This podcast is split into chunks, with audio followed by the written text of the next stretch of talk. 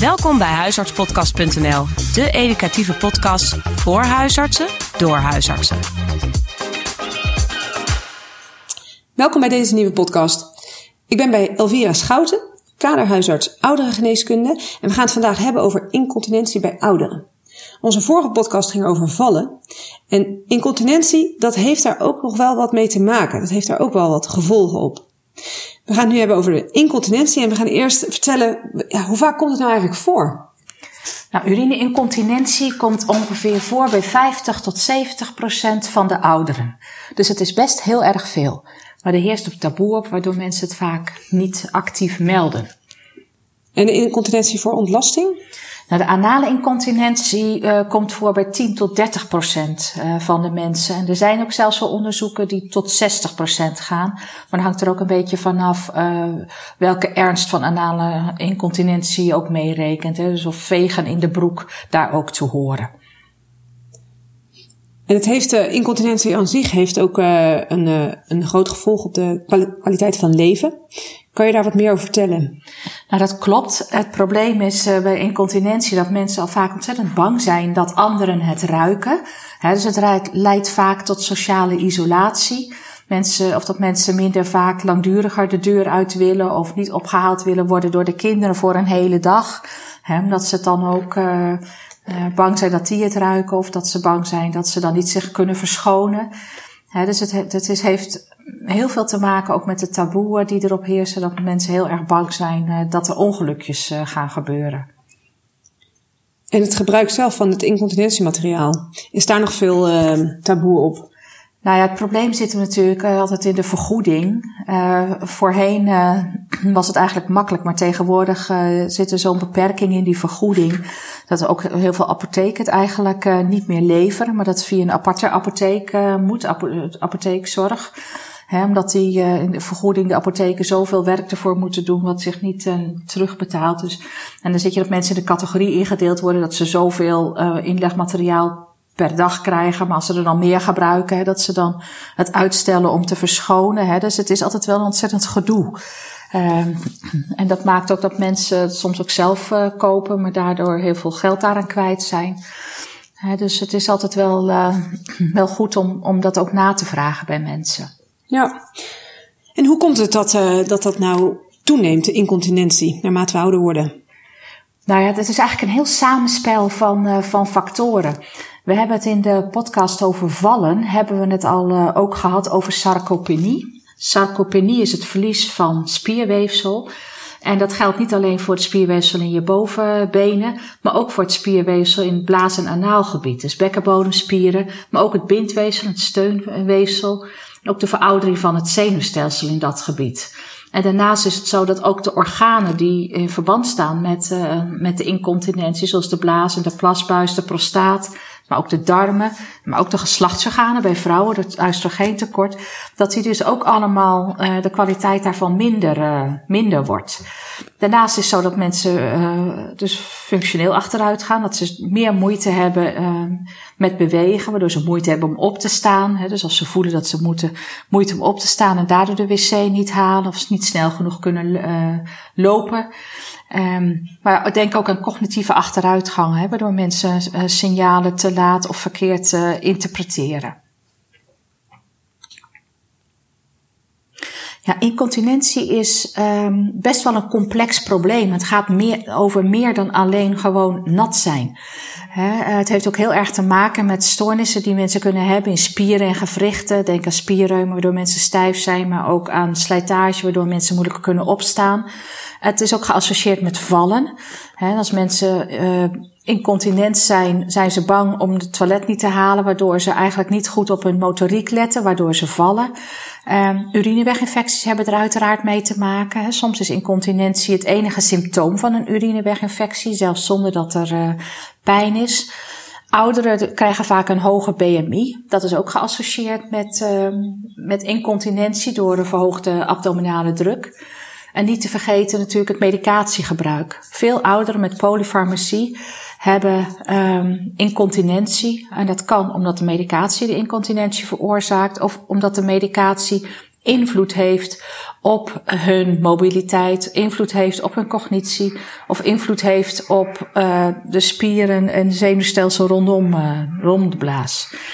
En daarnaast is het natuurlijk zo dat heel veel ouderen comorbiditeit hebben, die dus maakt hè, dat ze uh, makkelijker incontinent zijn. Nou, welke comorbiditeiten praten we dan over? Denk bijvoorbeeld aan obstipatie. Hè, mensen die geobstipeerd zijn hebben meer kans op incontinentie. En obstipatie uh, heeft ook te maken met vaak met medicatiegebruik. Natuurlijk verzakkingen. Um, denk aan verminderde cognitie, hè, waardoor mensen apraxie hebben, niet meer weten hoe die broek naar beneden moet. Uh, maar denk ook aan depressie uh, of aan delier. En hartfalen, is dat ook nog geassocieerd?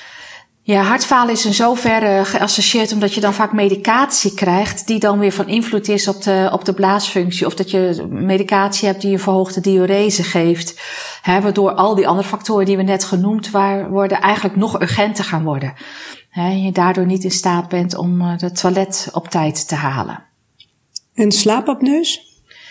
Um, nou, bij slaapapneus is het zo dat mensen over het algemeen, um, dat is eigenlijk meer de urgency uh, waar de mensen dan last van hebben, omdat ze dan natuurlijk veel slechter slapen en iedere keer het idee hebben uh, dat ze moeten plassen of denken van ik ben wakker dus ik ga maar plassen. um, en, en eventueel ook omdat mensen slecht slapen, dat ze medicatie gebruiken om te slapen, die ook weer van invloed kan zijn uh, op dit gebied.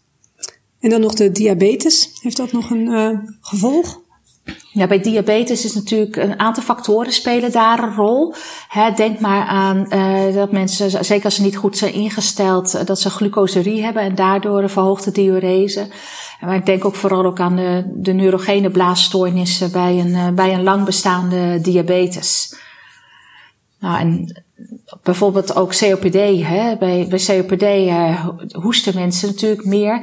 Hè, waardoor je dus ook gaat krijgen dat er verhoogde uh, intraabdominale druk is. Waardoor er veel meer stress, uh, incontinentie is.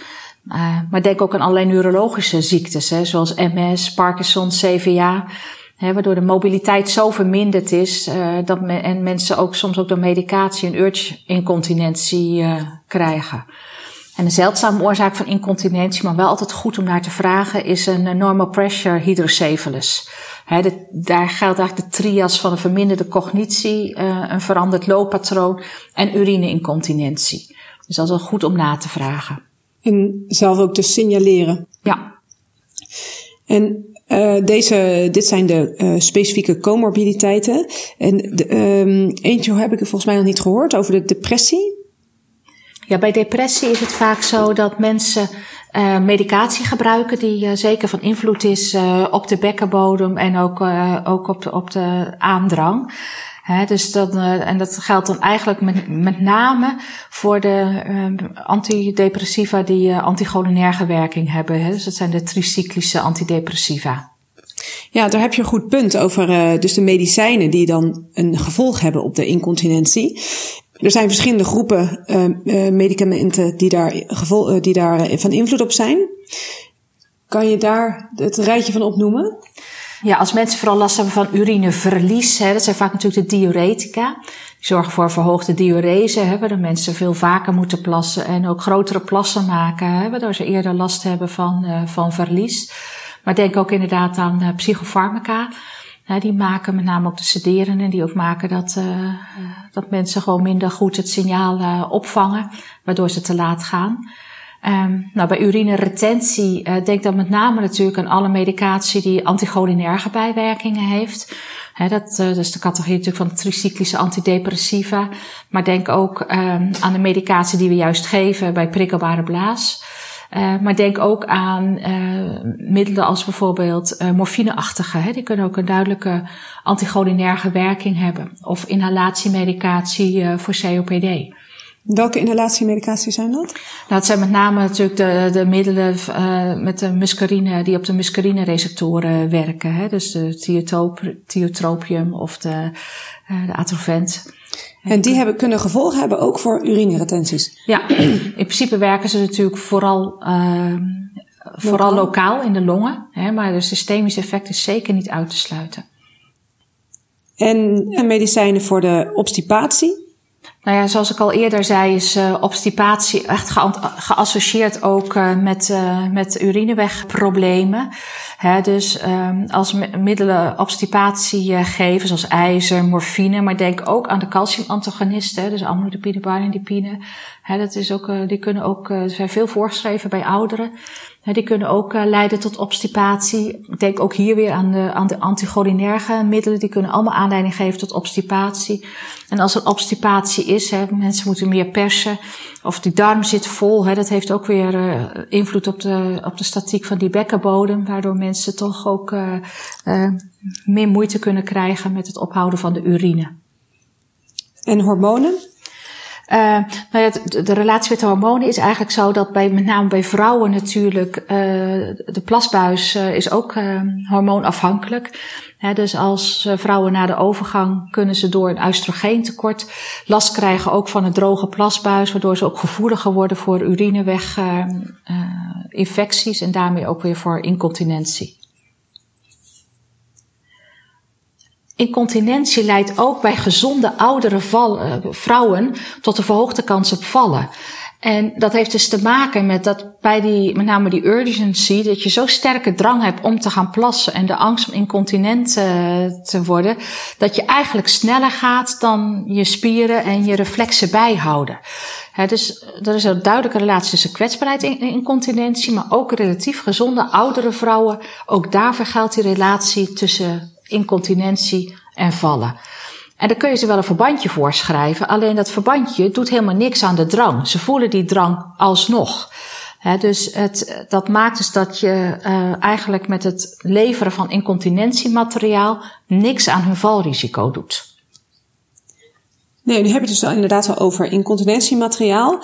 Dat klinkt als gewoon de oplossing voor incontinentie. Dan is het toch uh, het probleem opgelost. Maar het is aan meerdere kanten is het niet ideaal. Nee, nou soms is het natuurlijk noodzakelijk. Hè, zeker als je uh, bijvoorbeeld de deur uit wil, dat je zegt van nou, hè, ik, uh, ik wil geen risico lopen op een natte broek. Maar het leidt niet echt tot verbetering van kwaliteit van leven. Hè, mensen vinden het vaak heel vervelend om dat materiaal te dragen. Het broeit en het, en het, het zit niet comfortabel. Hè, maar mensen zijn ook vaak heel bang dat anderen het ruiken. En dat leidt dan vaak tot schaamte en tot depressie. En wat we net ook bespraken, het voorkomt niet de drang om te moeten plassen. En het voorkomt niet het verlies van coördinatie, wat je nodig hebt om, als je die drang voelt, naar het toilet te komen en daar op tijd uh, alles te doen. Dus het is slechts een symptoombestrijding. En daarnaast is het zo dat de kosten van incontinentiemateriaal een gigantisch uh, beroep doen op het uh, gezondheidszorgbudget. Het is een hele dure vorm van zorg. Um, dus dat maakt, uh, dat maakt dus dat, je, dat het best wel zinvol is om te kijken of we het gebruik niet kunnen verminderen door een betere uh, oplossing. Um, daarnaast is het zo dat ja, soms geven natuurlijk mensen ook wel eens een katheter als ze incontinent zijn. Met het idee van nou dan hebben ze, verminderen we in ieder geval het risico op vallen. Zeker bij mensen die uh, motorisch niet meer zo handig zijn. Of bij mensen die dementerend zijn. Maar het probleem zit er natuurlijk dat, uh, dat je wel een toenemende kans krijgt op urineweginfecties. En daarmee weer een risico op een delier loopt. En vaak zie je dat na het verwijderen van de katheter toch ook een ontregeling plaatsvindt uh, van dat mixiepatroon. Met name urgency en ook uh, vooral ook een nicturie. dus een katheter is echt een grote noodoplossing en liever niet een standaard oplossing voor incontinentie. Het probleem ook met de vergoeding van het incontinentiemateriaal is dat de verzekeraar vanwege de hoge kosten daar iedere keer ook op probeert te bezuinigen. En dan is het lastig. Ieder jaar veranderen de, vergoedingsregels eigenlijk wel weer. En momenteel is het zo, anno 2019, dat veel apotheken niet meer het incontinentiemateriaal uh, leveren. Omdat ze de, uh, qua werk en vergoeding eigenlijk niks meer opschieten. Dus dat het dan vaak weer via apotheekzorg moet. En dat betekent dat de apotheek niet dicht bij huis is, maar dat het geleverd gaat worden aan mensen. En dat betekent dus dat je ook erg vooruit moet zien. Hè? Dus dat je dus uit gaat komen op een soort gemiddelde van aantal verbandjes per dag. En dat je daardoor dus ook, het kan zijn dat je tekort gaat komen.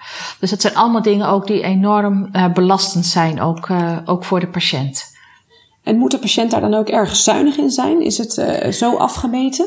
Nou ja, je wordt vaak ingedeeld in een categorie. En de categorie die hangt vaak ook wel af van de onderliggende aandoening. maar het kan dus inderdaad wel zijn dat mensen um, bijvoorbeeld twee uh, of drie uh, stuks per dag uh, ingedeeld worden in een categorie waarbij ze twee tot drie stuks per dag mogen gebruiken. Maar als ze in werkelijkheid meer gebruiken, gaan ze dus tekort komen. Dus dat is wel een lastig probleem. Ja, dus dan zijn ze nog eens extra voorzichtig om erin te plassen. Dus nog meer drang om snel naar het toilet te gaan. Ja, of, of ze gebruiken hem langer dan eigenlijk, uh, nou ja, sociaal wenselijk is. Uh, waardoor ook weer die schaamte en uh, ook de angst ja. voor ontdekking de, de kop opsteekt. Ja. En nu hebben we het heel veel over de incontinentie voor urine. Nou is, we zijn in de inleiding al dat, um, dat er ook incontinentie voor ontlasting is. Stroom nog 10 tot 30 procent. Ja, dat klopt. Um, er ligt al een taboe op urine-incontinentie, maar op incontinentie voor ontlasting ligt er eigenlijk een nog veel groter uh, taboe, terwijl ze ook heel vaak gezamenlijk voorkomen. Dus als mensen uh, bij je komen met uh, klachten van urine-incontinentie, vraag dan ook expliciet of er ook incontinentie voor ontlasting is. En incontinentie voor ontlasting wordt heel vaak veroorzaakt door obstipatie. En um, dat heeft dan ook te maken dat er paradoxale diarree kan ontstaan bij obstipatie. En dat ook door obstipatie de bekkenbodem heel erg geprikkeld kan worden. Hè, waardoor mensen dus ook uh, uh, een bekkenbodemdysfunctie krijgen. Nou, als mensen obstipatie hebben, gebruiken ze ook vaak weer laxantia. En ook die laxantia die kunnen vaak weer aanleiding geven tot, um, tot valrisico. Omdat mensen dan uh, het dus niet goed kunnen ophouden. En weer meer haast krijgen. Ja. ja. En de, uh, het, het, is dus ook vaak in combinatie met, het urine, uh, met de urineincontinentie. Ja, klopt. He, dus het is altijd heel goed om het expliciet na te vragen, omdat daar het taboe nog veel meer op ligt. Hm. Wat kunnen we aan deze incontinentie doen? Um, nou, wat we eigenlijk het liefst zouden willen is dat je daadwerkelijk wat, wat aan de oorzaak doet. En een van de oorzaken van incontinentie is um, bekkenbodemdysfunctie.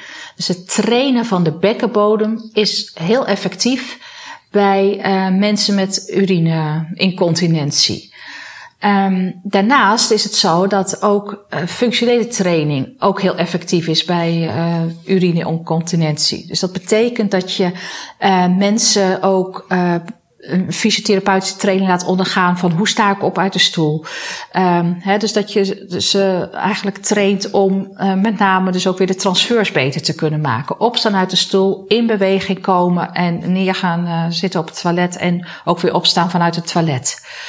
Um, en die combinatie met name ook van die bekkenbodemspiertraining in combinatie met de functionele training is, is ook heel effectief bij urinevlies.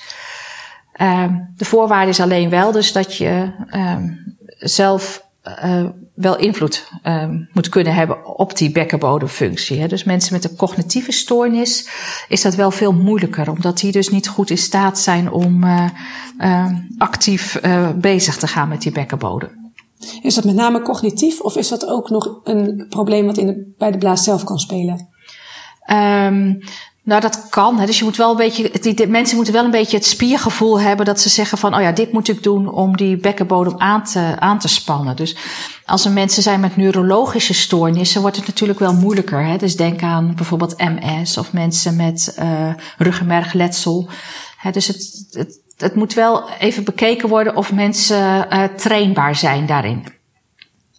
En vind je dat dat door een dokter bepaald wordt of door de fysiotherapeut zelf? Nou, ik denk in principe dat, dat de dokter wel kan kijken van, nou, hè, hoe hoog acht ik de kans dat het, uh, dat het gaat lukken. Dus als mensen duidelijk cognitieve stoornissen hebben, nou ja, dan is het twijfelachtig. Maar ik denk, ja, als je twijfelt of deze patiënt uh, ook trainbaar is, ook met zijn neurologische aandoening, uh, zou ik zeggen van, nou, stuur ze gewoon naar die bekkenbodemfysiotherapeut. Hè, want die, het is een tweejarige master, hè, dus ze hebben er echt heel veel verstand van, doen ook inwendig onderzoek. Hè, dus uh, bij twijfel kun je altijd gewoon aan de fysiotherapeut vragen van, wil je eens kijken, is deze patiënt nog trainbaar?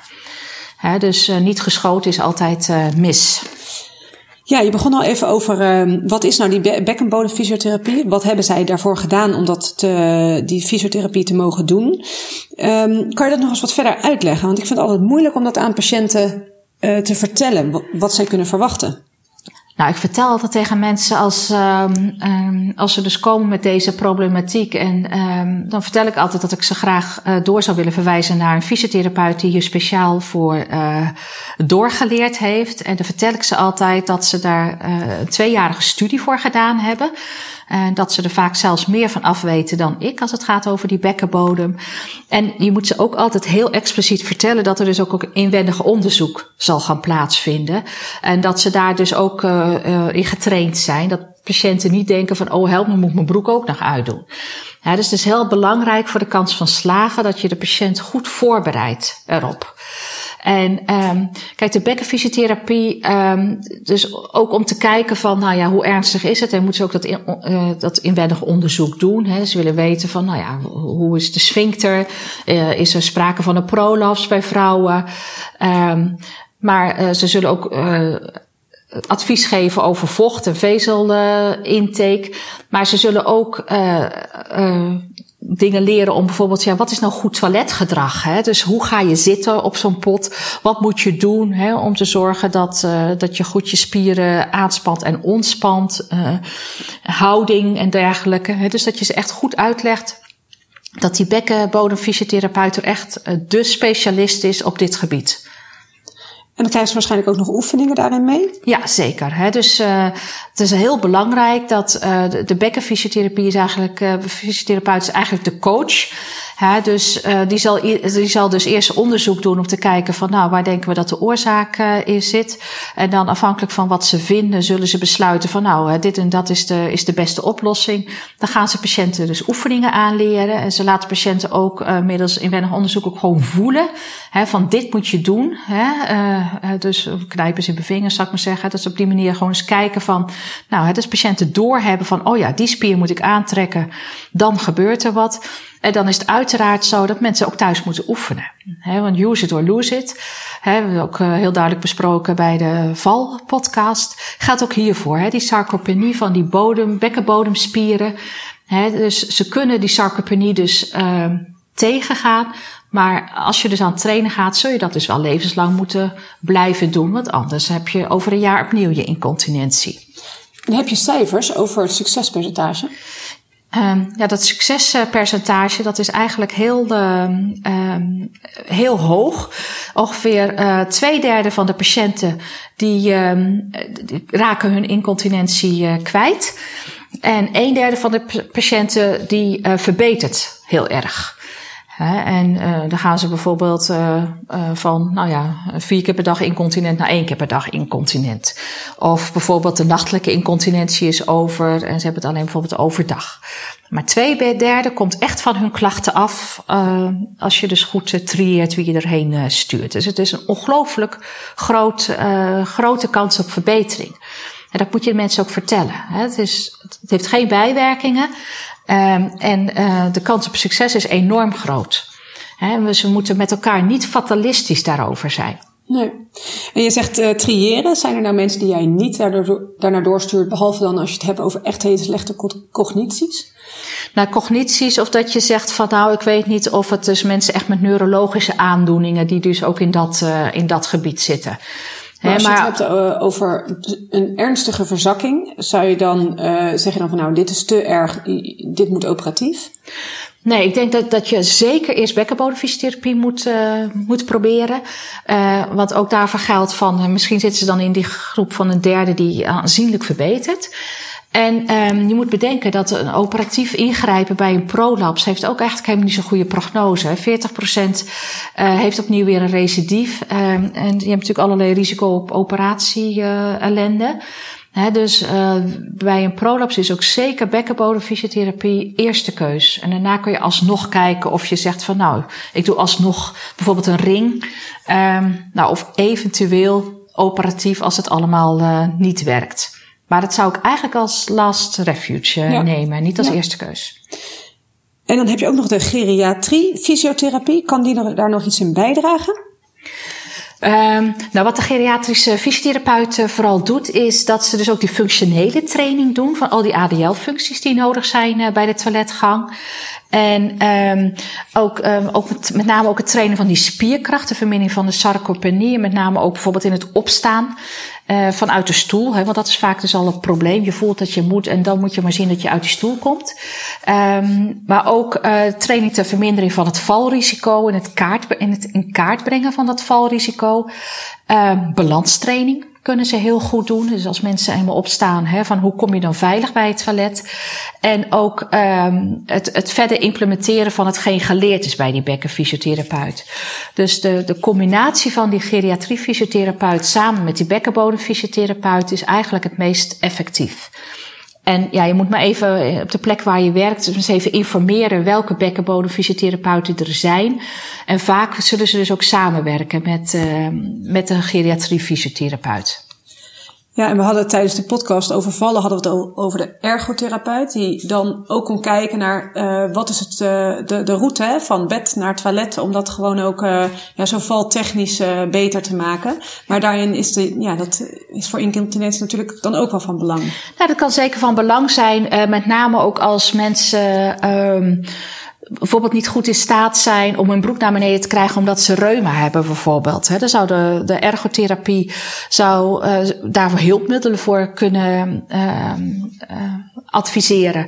Of um, nou ja, zeker als mensen nog wat cognitieve stoornissen hebben, zou de ergotherapeut en dan ook een geriatrisch geriatrie ergotherapeut zeker ook kunnen kijken of ze ondanks wat milde cognitieve stoornissen toch in staat zijn om dit patroon te leren, al dan niet met hulpmiddelen.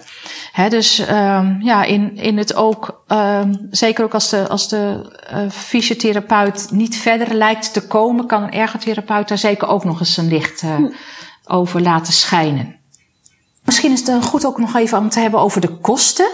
Uh, dus bekkenfysiotherapie zit gewoon in de basisverzekering. En negen keer uh, mogen mensen dus uh, die therapie ondergaan.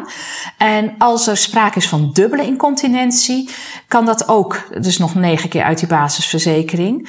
En en ontlastingsvlies of obstipatie uh, of uri, uh, anale incontinentie zonder urinevlies, dat wordt vergoed vanuit de aanvullende verzekering.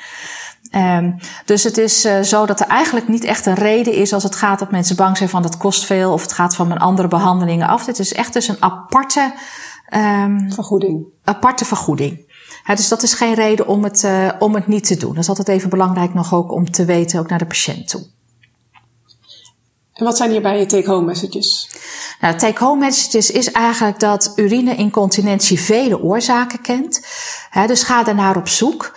Um, en denk dan met name ook nog aan de polyfarmacie. En uh, bedenk dat het voorschrijven van incontinentiemateriaal ontzettend veel geld kost en helemaal niks aan het probleem oplost. En dat bekkenfysiotherapie dat wel doet. En dat dat zeker op iedere leeftijd, mits er niet al te ernstige cognitieve stoornissen is, op iedere leeftijd effectief kan zijn. Uh, en dat dus die behandeling vergoed wordt uit de basis, uh, basisverzekering. dus denk altijd eerst als mensen incontinent zijn, niet aan incontinentiemateriaal, maar verwijs naar de bekkenbodemfysiotherapie en zorg dus ook dat je die kent in de regio waar je werkt. Het is twee derde van de mensen komen er dan vanaf, hè, zei je? Twee derde van de mensen komen er vanaf. Als wij zo'n pilletje hadden hè, voor allerlei aandoeningen, dan was het een geweldig succes. Terwijl dit is een hele eigenlijk onder, uh, ja, ondergesneeuwde uh, ja, therapie. Ja. ja. Hartelijk dank. Bedankt voor het luisteren. Bekijk ook onze website op huisartspodcast.nl. Voor vragen of suggesties kun je mailen naar huisartspodcast.gmail.com. Tot de volgende keer.